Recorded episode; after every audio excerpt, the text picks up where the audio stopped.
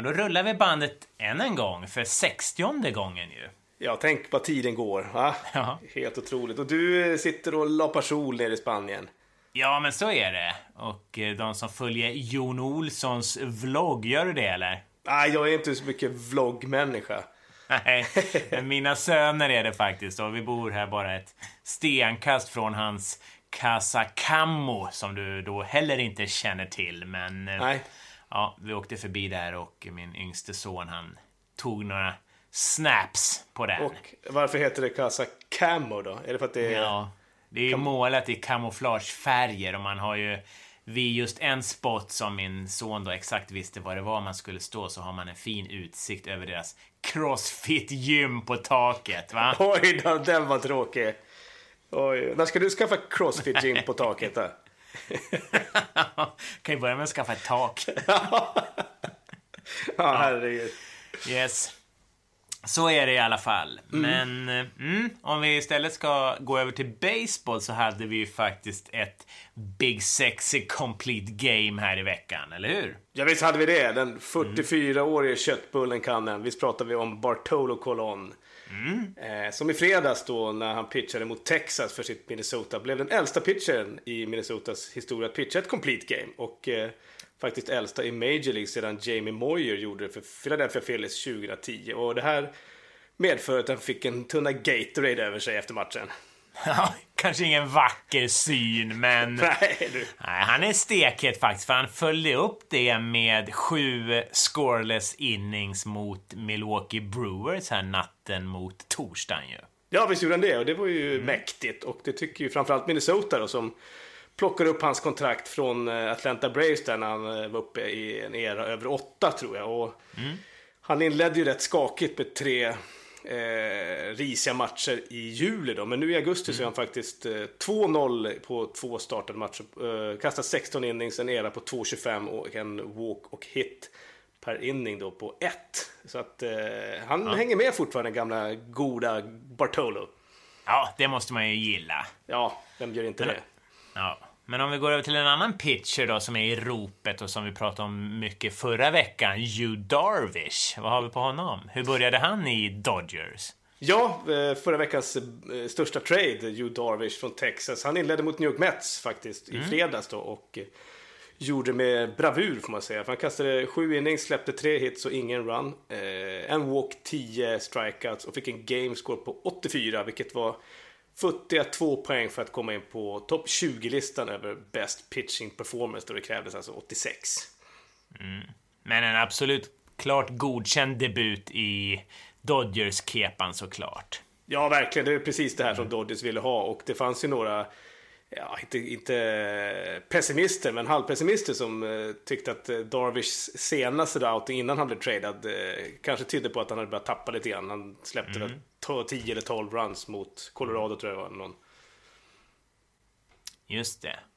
Men då får vi väl hoppas att han fortsätter på den inslagna vägen här, för han ska väl upp nu natten mot fredagen för den tredje avslutande matchen i matchserien mot Arizona Diamondbacks här ju. Ja, visst är det så. Eh, där, eh, ja, det blir en liten rub, ett rubber game så att säga. För eh, Arizona vann i första matchen. Och sen då i natten mot torsdag så inkasserade Dodgers starting pitcher Alex Wood sin 14 win då han eh, slog Zach Greinke. Eh, Dodgers vann med 3-2 då. Och eh, Dodgers fortsätter vara heta, eller hur? Ja, de är ju verkligen stekheta va? Eh, det, ja, det, de väl har kommit upp i 80 wins nu tror jag va? Och eh, mötte ju Mets förra helgen och eh, vann väl med 21-4 tror jag. Två shoutouts och har fortfarande inte förlorat mot Mets den här säsongen.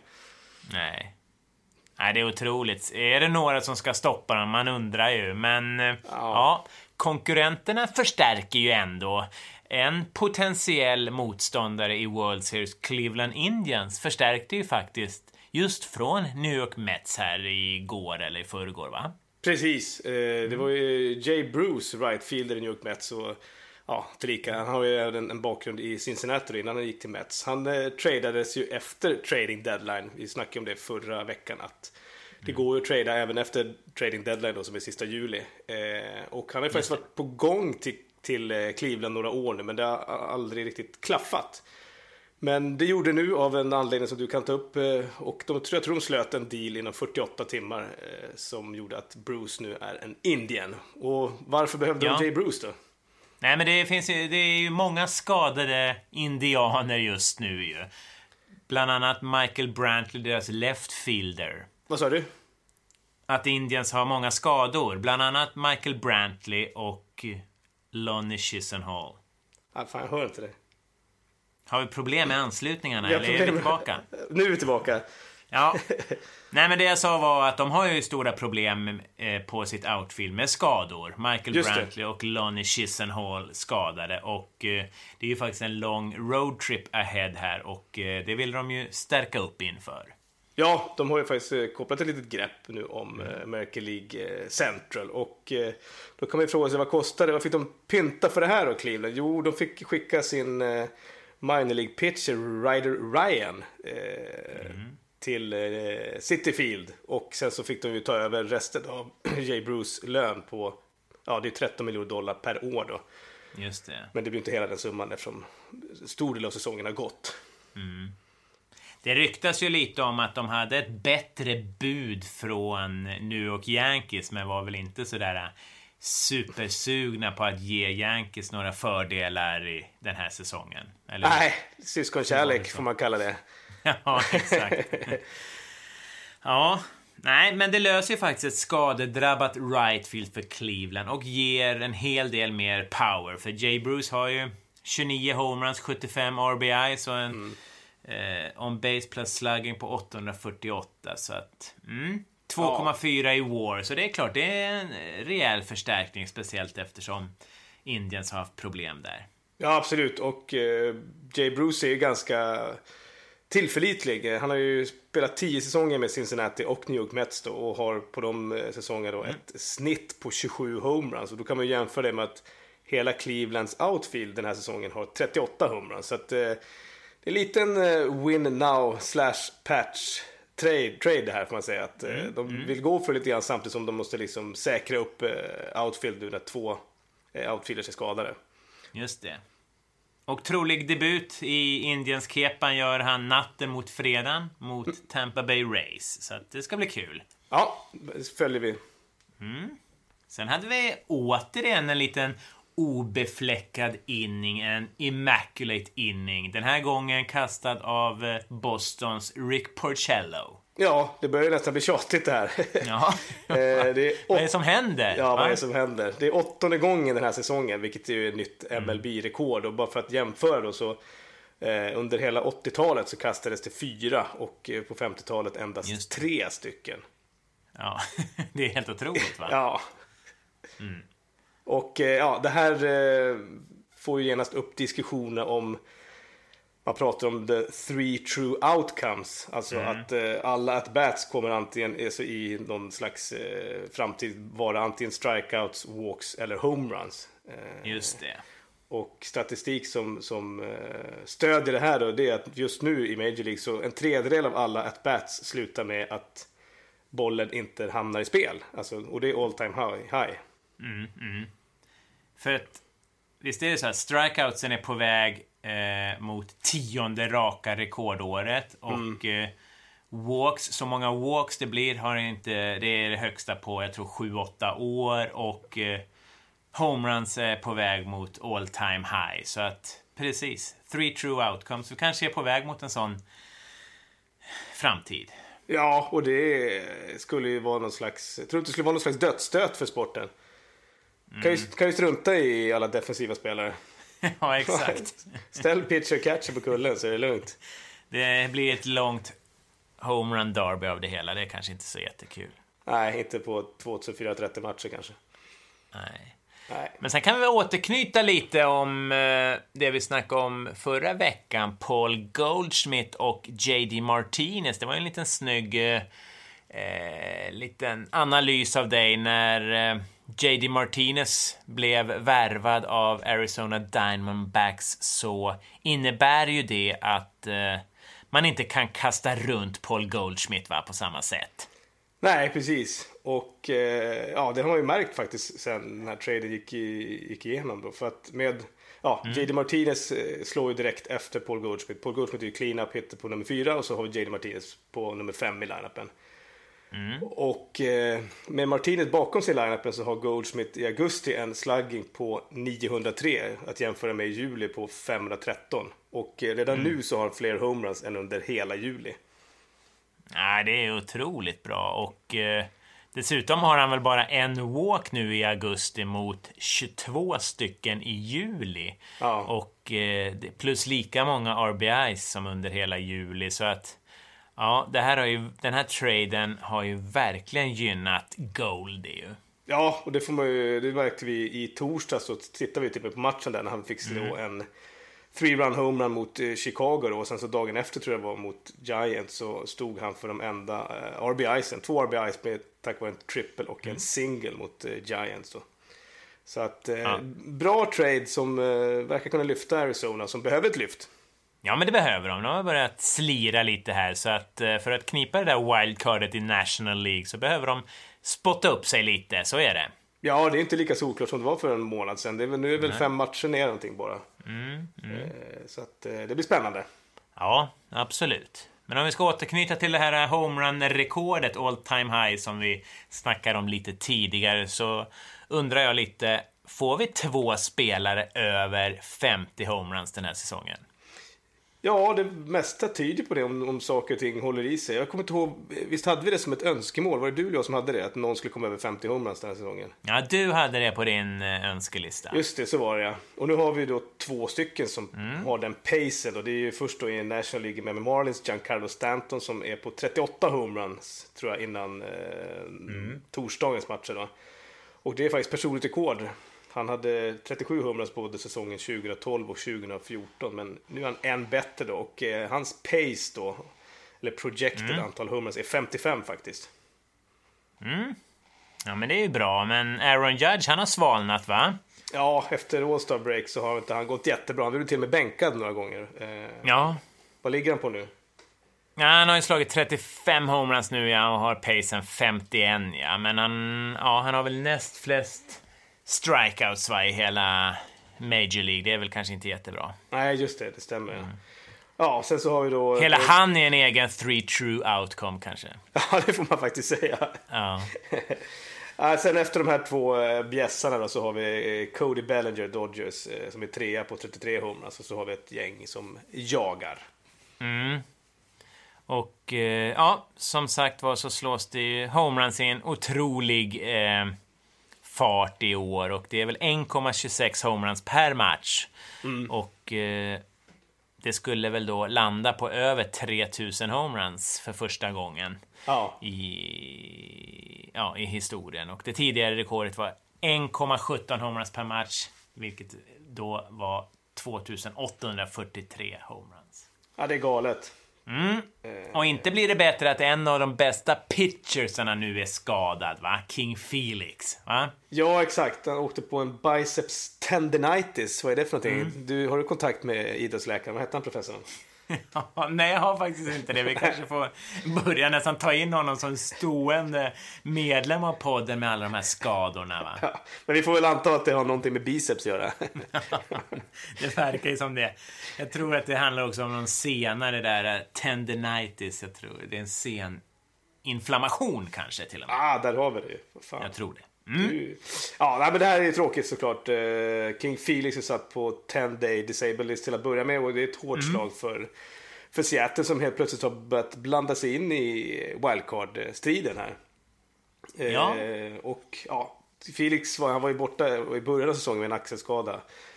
Så att eh, Seattle har inte fått utnyttja honom till 100% som de kanske hade behövt.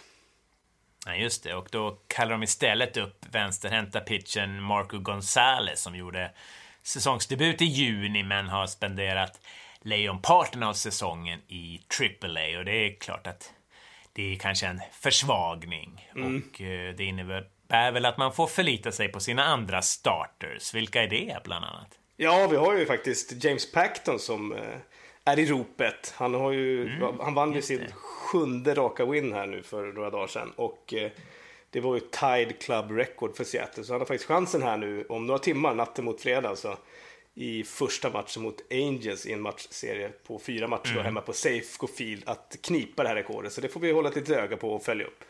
Ja, absolut. Spännande. Vad händer mer i Seattle då?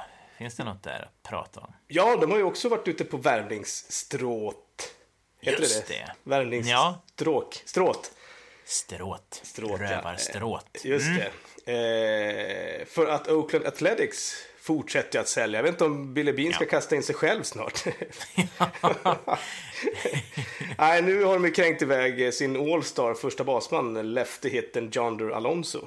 Mm, just till Seattle där och mm. eh, där får han ju, ja, eh, köra en platoon då med gamla, faktiskt gamla Oakland-polaren Danny Valencia på mm. första mm. bas ju. Så att, eh, mm, och, det kan ju bli eh, spännande. Ja, absolut. Och han förstärker deras middle lineup ska vi säga. Han har eh, ja, ganska hyfsade siffror. Han har ett on base percentage på 369 och ett slugging på 527, 22 homeruns och 49 RBIs då, som kanske hjälper Seattle. Just det. Och det här innebär att de skickar minor League outfieldern Boog Powell i motsatt riktning då. Mm. Han räknas väl som en grade C-spelare va? Ja, exakt. Och det läste jag om att eh, en Grade C-spelare är väl något, en spelare som har mycket, mycket positivt på gång men fortfarande några frågetecken eh, bakom sig. Så att eh, det är ju inte deras top prospect direkt. Och eh, Boog Powell var faktiskt eh, avstängd förra säsongen, 80 matcher efter att ha latchat lite grann med performance enhancing drugs. Mm. Det är intressant. Jag tror faktiskt, om jag minns rätt, att Boog Powell också var namnet på en ganska stor spelare på 70 80-talet faktiskt och just mm -hmm. den här Boog Powell är, är döpt efter honom. Faktiskt. Ah, Okej, okay. mäktigt. Att, ja, det är lite roligt. Det är ett ganska mäktigt namn måste man ju säga. Ja, det får man verkligen säga. Ja, men då får vi väl se hur Seattle Mariners, eh, ja, hur det går för dem i wildcard-striden då, även om de, ja, den här förlusten av King Felix är ju ett starkt avbräck såklart. Ja, visst är det så. Och mm. eh, vi har väl tänkt att eh, börja lite fokusera lite närmare på just eh, vilka som har chans att gå till postseason eh, längre mm. fram under månaden. Men vi kan väl bara nämna att ju, i American League så är det ju stenhårt eh, just nu i wildcard-striden. Jag tror att det är nio lag inom fem matcher och sånt där. Ja. Och som vi nämnde så även i National League börjar hetta till lite grann där Colorado och Arizona har gått som tåget men har börjat tappa lite grann. Mm.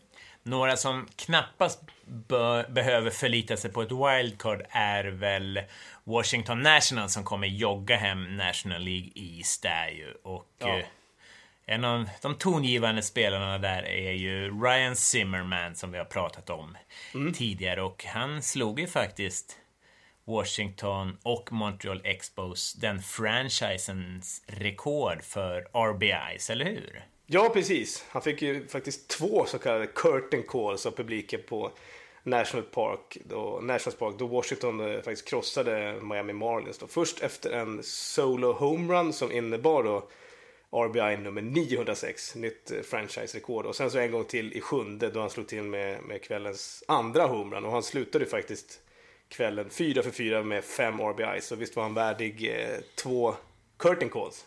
Ja, absolut. Nej, men han är skön och eh, tidigare under säsongen har han faktiskt passerat Vladimir Guerreros eh, eh homerun-rekord för franchisen på 235 homeruns och han har ju senare också slagit flest homeruns, eller tagit den första platsen att slå flest homeruns i DC-historien alltså, i Washington där han passerade Frank Howard som spelade för Washington Senators ju. Just det, ja. Så mm. att vi får säga congrats till Ryan Zimmerman. Exakt, och det får vi faktiskt göra till våran vän Mike Trout också, eller hur? Ja. Som ju faktiskt passerade tusen hits på sin födelsedag här ju. Ja, de eh, torskade tyvärr då mot eh, Baltimore Orioles med 6-2, men som du säger, han firade sin 26 födelsedag med att blåsa ut alla ljusen på en gång på tårtan. Han slog för mm. fjärde gången på sin födelsedag en homerun och eh, fick sin tusende hit. Ja, och efter det så fick han sätta sig på en stol i duschrummet där på Angel Stadium och blev bombad med en halv ICA-butik av lagkamraterna. Ja. det är ett snyggt klipp på hans Twitterkonto där han får ägg och sån här slush pup Snoopy och ja. Baby Powder och lite så här Coffee Mate Creamer och flingor och ja, de sa väl att de tog väl i princip allt som fanns i papperskorgarna va. Och det var väl någon som tyckte att det var at least no one had fish for lunch. Så att det var väl tur det.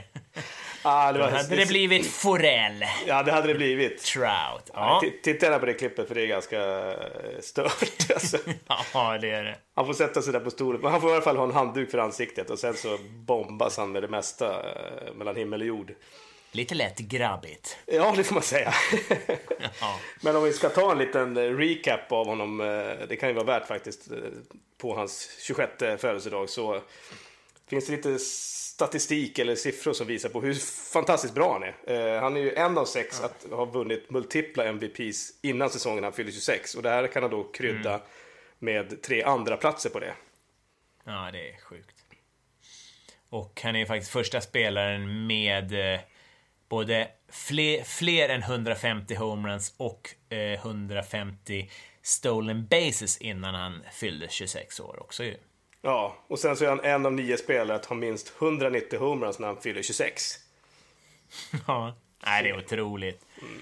Ja, och eh, av de här nio spelarna som finns i 600 homeruns-klubben är det faktiskt bara Alex Rodriguez och Albert Pujols som hade fler än Trout den dagen de fyllde 26 år. Så att eh, mm, ja, den här 600-klubben kommer väl snart att utökas. Ja, får han bara vara skadefri så ska inte det vara något problem. Nej. Sen ligger han ju faktiskt på nionde plats i den här Wins above replacement eh, tabellen, eller ja, listan. Ja. Det är trots två hela missade månader av speltid. Va? Ja, det är helt sjukt alltså. Det är pinsamt för många spelare faktiskt att titta i den som ligger långt efter honom, eller hur? Ja, det måste det vara alltså. Herregud. Ja, sen så för att avsluta det här Mike Trout-svepet så jag vet inte, du kanske vet det här bättre Niklas, men det verkar som att klubbarna nu för tiden när de ska ut på en roadtrip gör en liten grej av det. Då hade ju Angels klätt ut sig till NBA-spelare. Ja, just det. Och då var Mike Trout utklädd till en Philadelphia 76er då innan de drog på, iväg på en roadtrip. Och så hade mm. ja, 76ers gjort ett litet montage då på Twitter där de hade klippt in Mike Trout. Eh, jag vet att Cubs körde någon Easy Rider-tema va? Ja, de brukar väl vara ja, de som mest kör med de här olika temana och det är väl Joe Maddon som egentligen drog igång det här kanske. ja, visst är det han som ligger bakom det? Ja, men jag tror det. I alla fall han som har förfinat det hela. Så att, eh, men det är väl ah, en rolig, rolig grej. Det kan ja, inte vara så, så himla roligt att Nej, exakt. sticka iväg hela tiden. Så. Var borta i två veckor. Så att, eh, det är väl bra att göra allt vad man kan för att det ska bli skoj. Man ska ha kul på Exakt. vägen, som Petter sa. Ja, och något ska de väl lägga sina pengar på, så varför inte ja, massa jävla idiotkostymer och grejer? Va? Precis. ja. Nej, men nu har vi faktiskt kommit fram till att ropa batter up också. Alltså, det är dags för Tjena ja. Arena. Ja, men det blir faktiskt en liten Tjena Arena här från Spanien faktiskt. Yes. Och eh, då tänkte jag att du skulle få lista ut en och försöka klura ut en ballpark på mina tre pitchar här. Kan det vara Casa Camo? ja, det hade varit något va? Ja. Nej, tyvärr blir det inte det. Men eh, ja, vi får väl se vad jag har klurat ut mm. den här veckan. Är du redo? Jag är född redo. Mm, det vet jag väl. Ja, men då kör vi. Ja. Första pitchen här då. I 15 år hade invånarna fått betala extra skatt på både alkohol och cigaretter för att finansiera den här arenan som ligger på Ontario Street och invigdes samma år som det grävdes guld i USA. Oj. Mm. Eh, jag svingar. Oj! Oj, oj, oj! ja, då får du skriva helt enkelt. Ja, okej, okay, då skriver jag här då. Mm. Så. Och så visar jag upp det. Yes. Mm. Okej. Okay. Mm. Bra, men då ska väl också våra lyssnare få uh, testa sina kunskaper och svinga och missa eller träffa. Så här kommer den andra pitchen då. Ja. 2008 bytte arenan namn efter att ett försäkringsbolag köpt rättigheterna. Och det är här som All-Star Game 2019 kommer gå av stapeln efter att det nästa år kommer vara i Washington DC.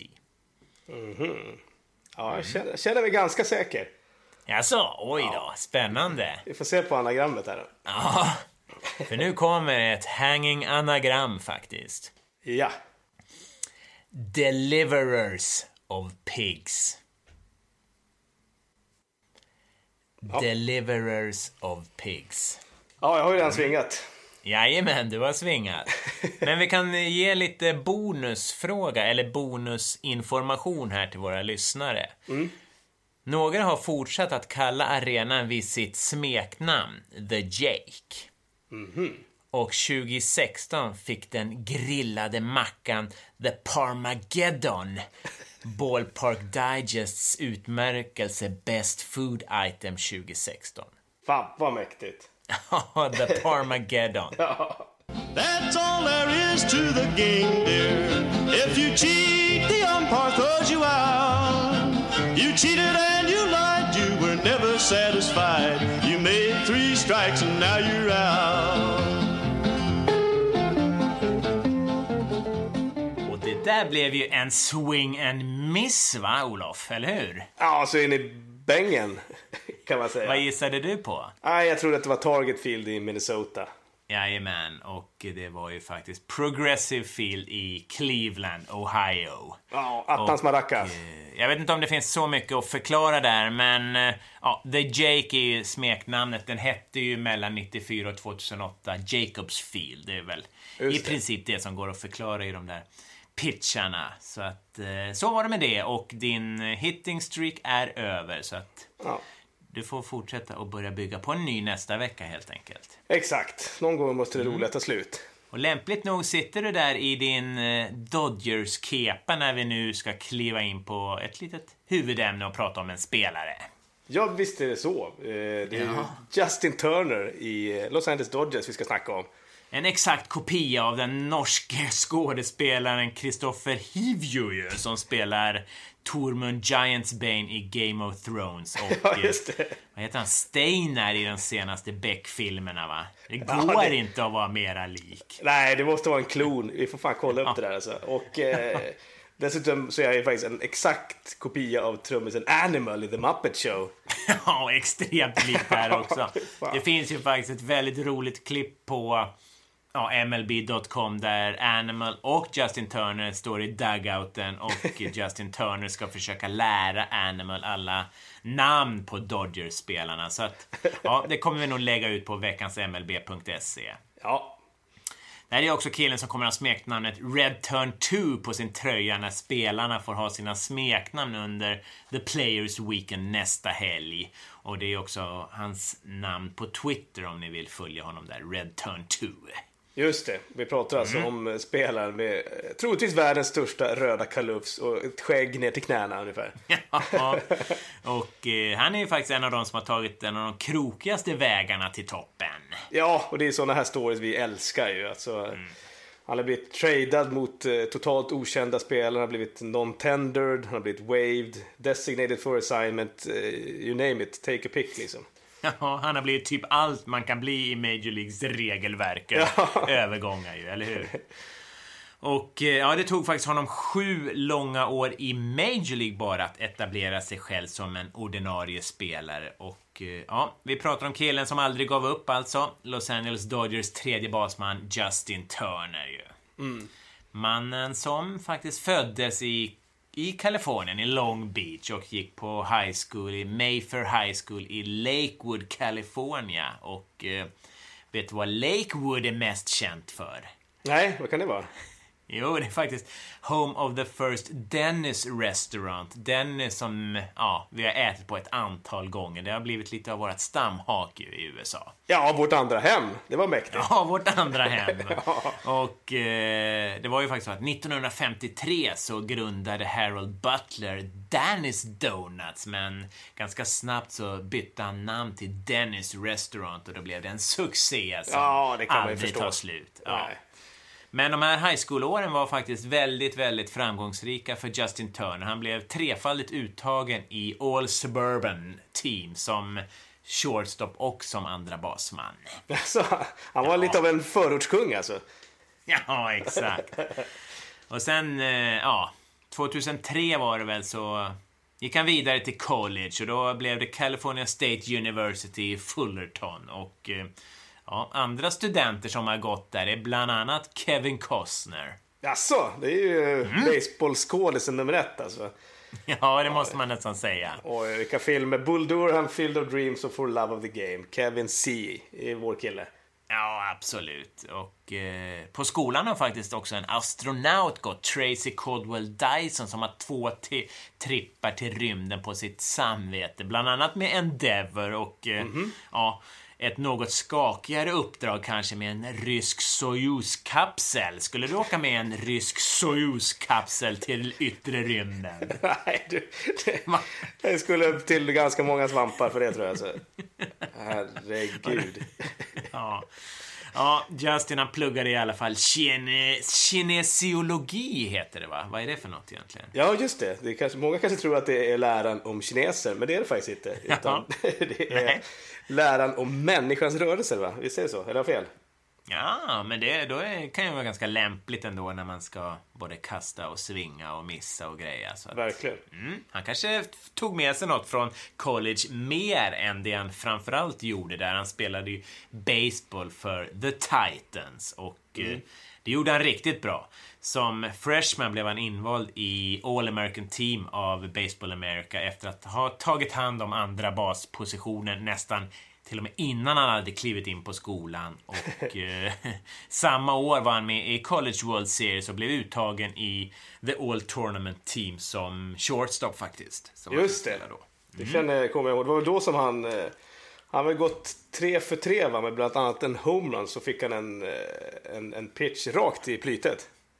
Ja, då fick det vara nog för jag tror faktiskt det var Stanford. Utan då, det enda sättet att stoppa honom det var att sopa in en boll rätt i ansiktet på honom. Så att, ja, så var det slutspelat för Justin Turner det året, men han var ju tillbaka året efter och eh, var med när Fullerton faktiskt vann när de slog Texas i finalen och blev College World Champions. Mm.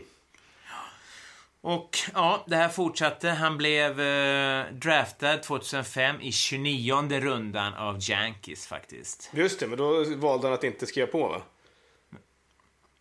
Ja, han eh, blev eh, draftad i sjunde rundan året efter faktiskt. Mm. Eh, under sitt seniorår blir väl det av Cincinnati Reds. Och då kritade han på och eh, ganska snabbt efter så packade han resväskan och gav sig iväg från Kalifornien och eh, påbörjade den långa vägen till Major League i den ja, något ödsliga och bergiga delstaten Montanas största stad Billings med en befolkning befolkning på 160 000 invånare. Det är väl ungefär lika många som hemma på Paradisön. Jaha, mäktigt. Ja. Det, det måste varit intressant. ja, så han harvade runt lite i Ohio, Chattanooga och inte så noga och så vidare. Tills, eh, jag tror det var 2008 års Winter Meetings då Reds buntade ihop Turner tillsammans med lite annat ja, ska man kalla det bottenskrap där i minor och bytte till sig den venezuelanske catchen Ramon Hernandez. Man, alltså man vill ju gärna tro att den där dealen skedde efter någon har gått all in under ett uh, parti poker sent på kvällen på något hotell där. Ja, jag tror faktiskt inte du är så långt bort från sanningen där. Nej. Nej.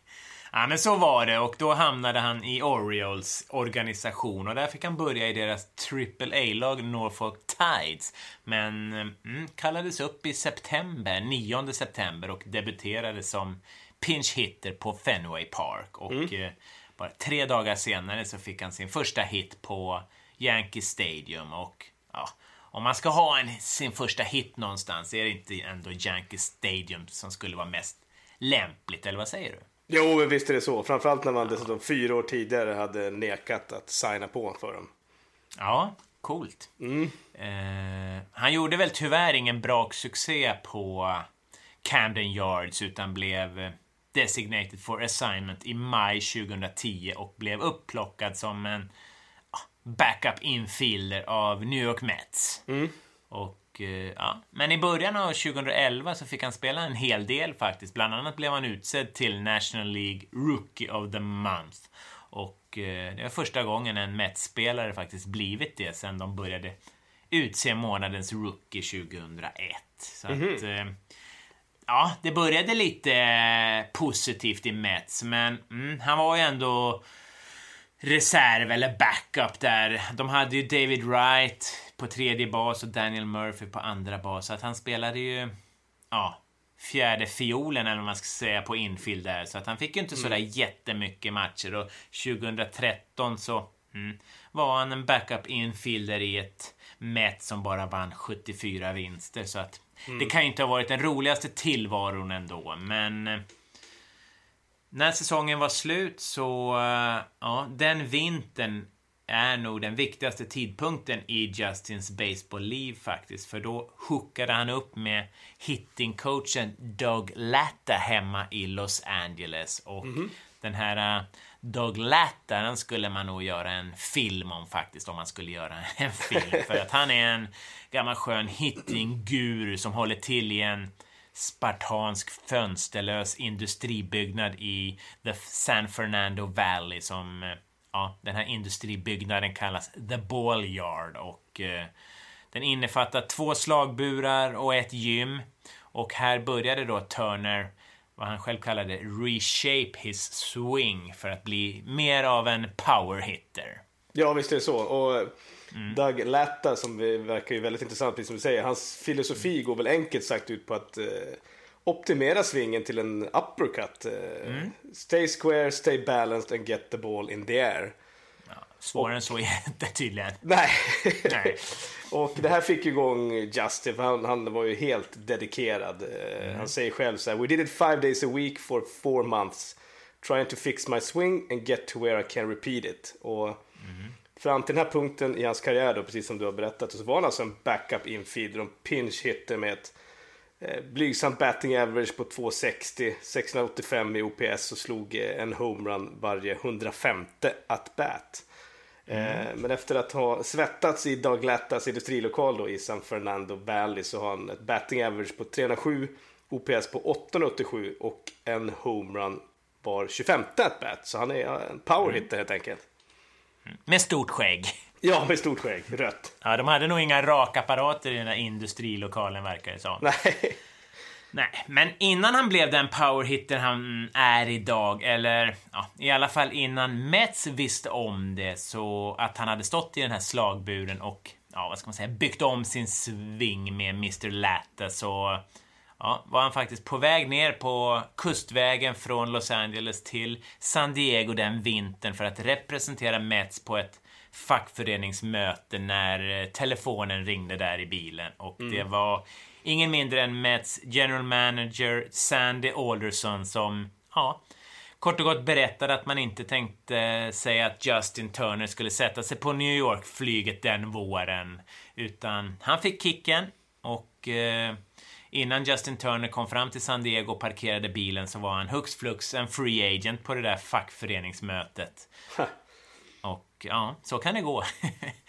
och eh, mm, han har själv berättat att det kändes väl lite sådär odd att vara med på det här fackföreningsmötet och representera Mets men ändå inte vara en, vara en spelare för dem. Så att, eh, och han var faktiskt fortfarande arbetslös där tidigt tidig vår 2014 när Los Angeles Dodgers benchcoach Tim Wallach såg Turner slå i en eh, ja, veteranmatch för gamla avdankade college-spelare då för California State University, Fullerton där. Och eh, ja, inte långt senare så kom faktiskt en inbjudan till Justin Turner till Spring Training 2014 och eh, mm, 16 mars så fick han plats på Dodgers roster igen. Ja, he was back helt plötsligt. Ja, he was back in the show och eh, det här måste ha känts otroligt skönt och han fick faktiskt direkt en riktig breakout season där på Dodger Stadium. Och eh, det berodde lite på att det var skador på andra spelare som gjorde att han fick spela rätt mycket och eh,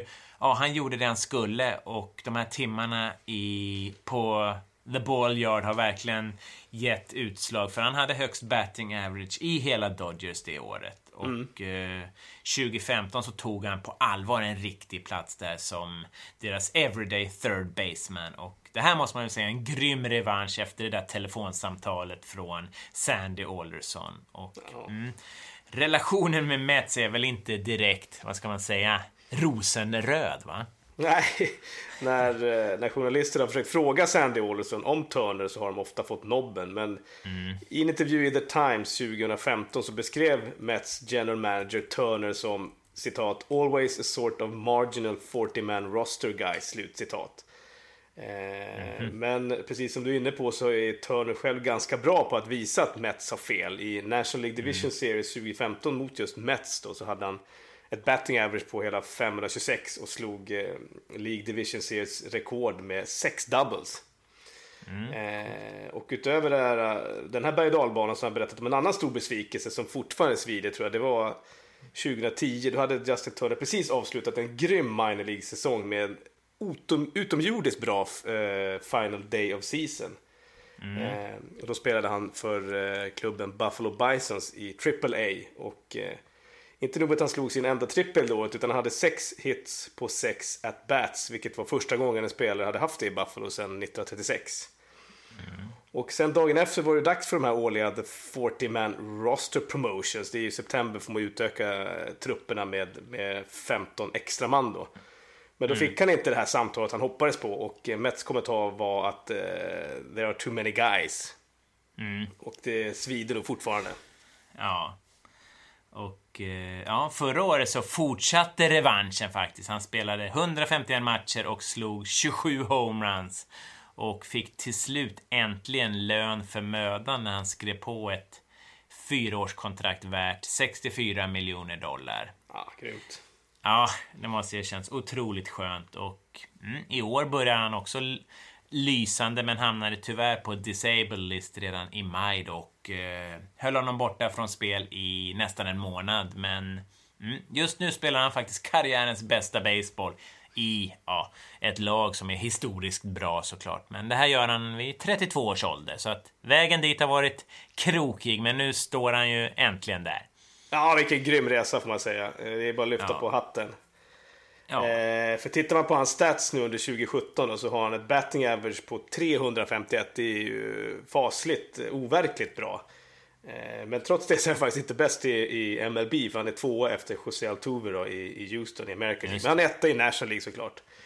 Eh, mm. Han har ett OBP, alltså ett on base percentage på 4,43 men det är han bäst i MLB. Och så yes. ett OPS då, base percentage plus slugging som är strax över 1000, 1009 och med det så är han femma i MLB. Och det är faktiskt bara sex spelare över 1000 då där Aaron Judge, eh, Yankees, eh, är i topp. De är 1046. Mm. Det här är ju faktiskt stat som kan göra honom till MVP i National League. Ja. ja. Men han verkar också vara oerhört populär i många läger, alltså eh, frånsett alla siffror som talar sitt tydliga språk. Han mm. vann ju den så kallade The Final Vote och kom med i All-Star Team ändå, även om han inte på grund av den här skadan hade de här siffrorna för att komma med på den ordinarie valsedeln ju. Men mm. Mm, tog alltså ändå hem den här omröstningen som ja, i år innehöll rekordmånga röster. Jag tror det var över 20 miljoner röster. Så att Oj. det är klart att han är poppis om man vinner en sån omröstning. Ja, folk kanske trodde att de röstade på Game of Thrones. Tror inte det? ja, mycket möjligt. Eller The Animal. Just det. ja, men eh, utöver det här så är det faktiskt även väldigt poppis i klubbhuset, va? Ja, jag tycker ett uttalande av coachen Dave Roberts tycker jag ändå säger allt. Uh, he's a grinder and he's blue collar. When you put him alongside a Chase Utley and a Clayton Kershaw, you got a very stable core. He's the glue of our ball club. Ja, det är mäktigt. Justin Turner.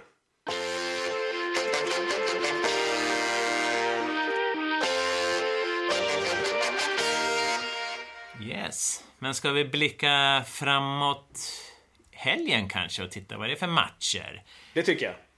Mm, vi har en stekhet eh, matchup mellan Boston Red Sox som kommer till Yankee Stadium och ska möta New York Yankees här. Fredag, lördag, söndag och framförallt lördag är det ju 22.05 i Sverige i, på svensk tid. Oj, oj, oj. Eh, gissa man kommer att sitta bänkad. Mm, kul. Eh, de här matcherna är ju alltid väldigt intressanta och har en lång historia bakom sig och rivaliteten är ju en av de största i Major League. Och det späs ju bara på av det faktum att eh, det är Boston och Yankees som för tillfället slåss om eh, vinsten i American League East, och även fast Boston har ryckt. Så det är väldigt, väldigt viktiga matcher nu framöver. Och eh, vi var inne lite grann på hur Hugh Darvish hade skött sig i sin debut. Det gick ju bra, det gick lite sämre för eh, Yankees eh, trades då, Sonny Gray och Jamie Garcia i debuterna mot Cleveland Indians.